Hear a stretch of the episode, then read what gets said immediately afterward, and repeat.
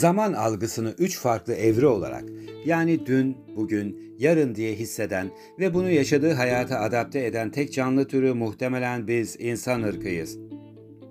Bunun dışında doğada zaman anlayışı şimdi, şimdinin az öncesi ve şimdinin az sonrası şeklinde olmalıdır diye düşünüyorum.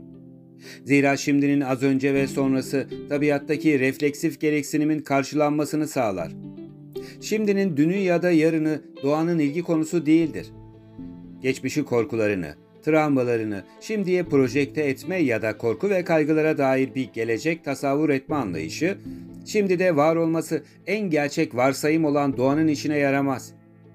Doğanın zamanla ilgisi daha çok döngüsel mahiyettedir. Döngü ise olma, bulunma ve sürdürme üzerine canlılığın idame ettirilmesidir. Yok oluş, var olmuş olanın çözülmesi ve artık şimdi de var olamayacağı anlamına gelir ki bu da aslında tam bir yok oluş bile değildir. Doğayı olduğu gibi görmek istemeyen insan, baktığı yeri zaman sınırlarıyla işaretleyip kendi alanını oluşturmak ve güvende olduğunu hissetmek ister. Bu sınırların içinde kalan her ne ise, hatta olumsuz bir düşünce veya duygu bile olsa, yanlış tanımlanan güven duygusu ile birlikte çekilen zaman çizgisi sayesinde sözde güven altına alındığı zannedilir. Zamanın bölümlere ayrılması insanın zihnini de bölümlere ayırır. Dünün coşkusu veya korkusu bugüne, bugünün yoksunluğu ya da sıkıntısı yarına aktarılarak her şey kendilik algımızla oluşturduğumuz zaman havuzunda birbirine karışır. Zamana şimdi boyutuyla bakmak, eskiyi ve yeniyi aynı düzlemde bir araya getirmek anlamına da gelir. Böylece karşıt anlamlara sahip soyut ya da somut her bir kavram kendi içinde bir bütünlük oluşturur. Oysa insan karşıtlığı maddesel boyutuyla düşünmeye başlamış, iyi ve kötü gibi, güzel ve çirkin gibi, siyah ya da beyaz gibi sözcüklerin mutlaka bir zıtlık içermesi gerektiğini düşünerek kilitli ve yanlı bir algıya hapsolmuştur. Yansımaların hakikat, hakikatlerin her geçen gün daha da değersiz olduğu fikri çağcıl bir bakışla hat safhalara ulaşmıştır. Guy Deport, Gösteri Toplumu isimli kitabının ön sözünde hakikatin azaldığından, yansımaların artmasından bahseder ve kutsallığın artan taraftan yana ivme kazandığını belirtir. Doğaya akıl sorduğunda der Seneca, size şöyle cevap verir. Benim gecem de var, gündüzüm de.'' İnsanın doğasında hakikat hep vardır. Ve doğa bu hakikati her insanın kulağına doğarken fısıldar. Doğa bize şöyle şeyler söylese ne cevap verebiliriz ki ona? Neler oluyor sizlere? Ben sizi bu kadar korkak yaratmadım. Aşırı haz düşkünü ve sürekli isteyen kişiler olarak da yaratmadım. Sizler gerçekte cesur, inançlı, batıldan uzak yaratıldınız.'' Hakikatin ne olduğunu bilerek ve onu yaşayacağınıza söz vererek geldiniz bu dünyaya. Şimdi kalkıp tüm bu iyiye, güzele yüz çevirmek denenin nesidir? Neden kötüye, çirkine daha çok meyledersiniz? Sona yaklaşmaktayken ve o gerçekle karşı karşıya kaldığınız vakit size neler olacağını hiç düşünmüyor musunuz? Ya da nasıl düşüneceğinizi mi unuttunuz yoksa? Dün, bugün yarın diyerek ayrılan zaman takvim ölçeğinde belki planların yapılması için gerekli görülebilir. Ancak zihinsel olarak bu çoklu zaman kavramı insanın bölünmesine sebep olmuyor mu sizce de?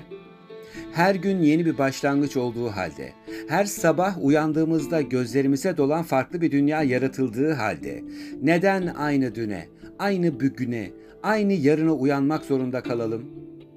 Doğa her gün hatta her an farklı bir şimdiki zamanın farkına varmış olsa gerek. Biz bilişsel paranoyaklar ise zamanı zamanla yüklediğimiz anlamlar sayesinde ağırlaştırmışız. Oysa şimdilik zamanı da diyebileceğimiz gerçek ve hissedilen zaman kısacık bir motto ile bile anlatılabilir.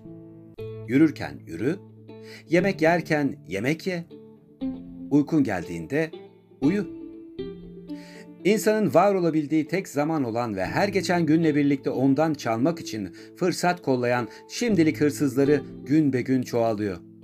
Şimdisine sahip çıkamayanlar, onu kaybedenler ya da zaman haydutlarına çaldıranlar bu zamanın yerine dünün korkuları ve yarının içi boş kaygılarıyla doldurmak zorunda kalabilirler. Oysa doğada yaşayan her canlı geçmiş ve geleceği yaşadığı andaki şimdiye sığdırabilecek kabiliyettedir. Vahşi doğaya baktığınızda bir yandan yemeğini yiyen, suyunu içen canlı, diğer yandan tehlikelere karşı etrafını teyakkuz halinde tarar. Diğer taraftan varsa yavrularını koruma güdüsünü sürdürür.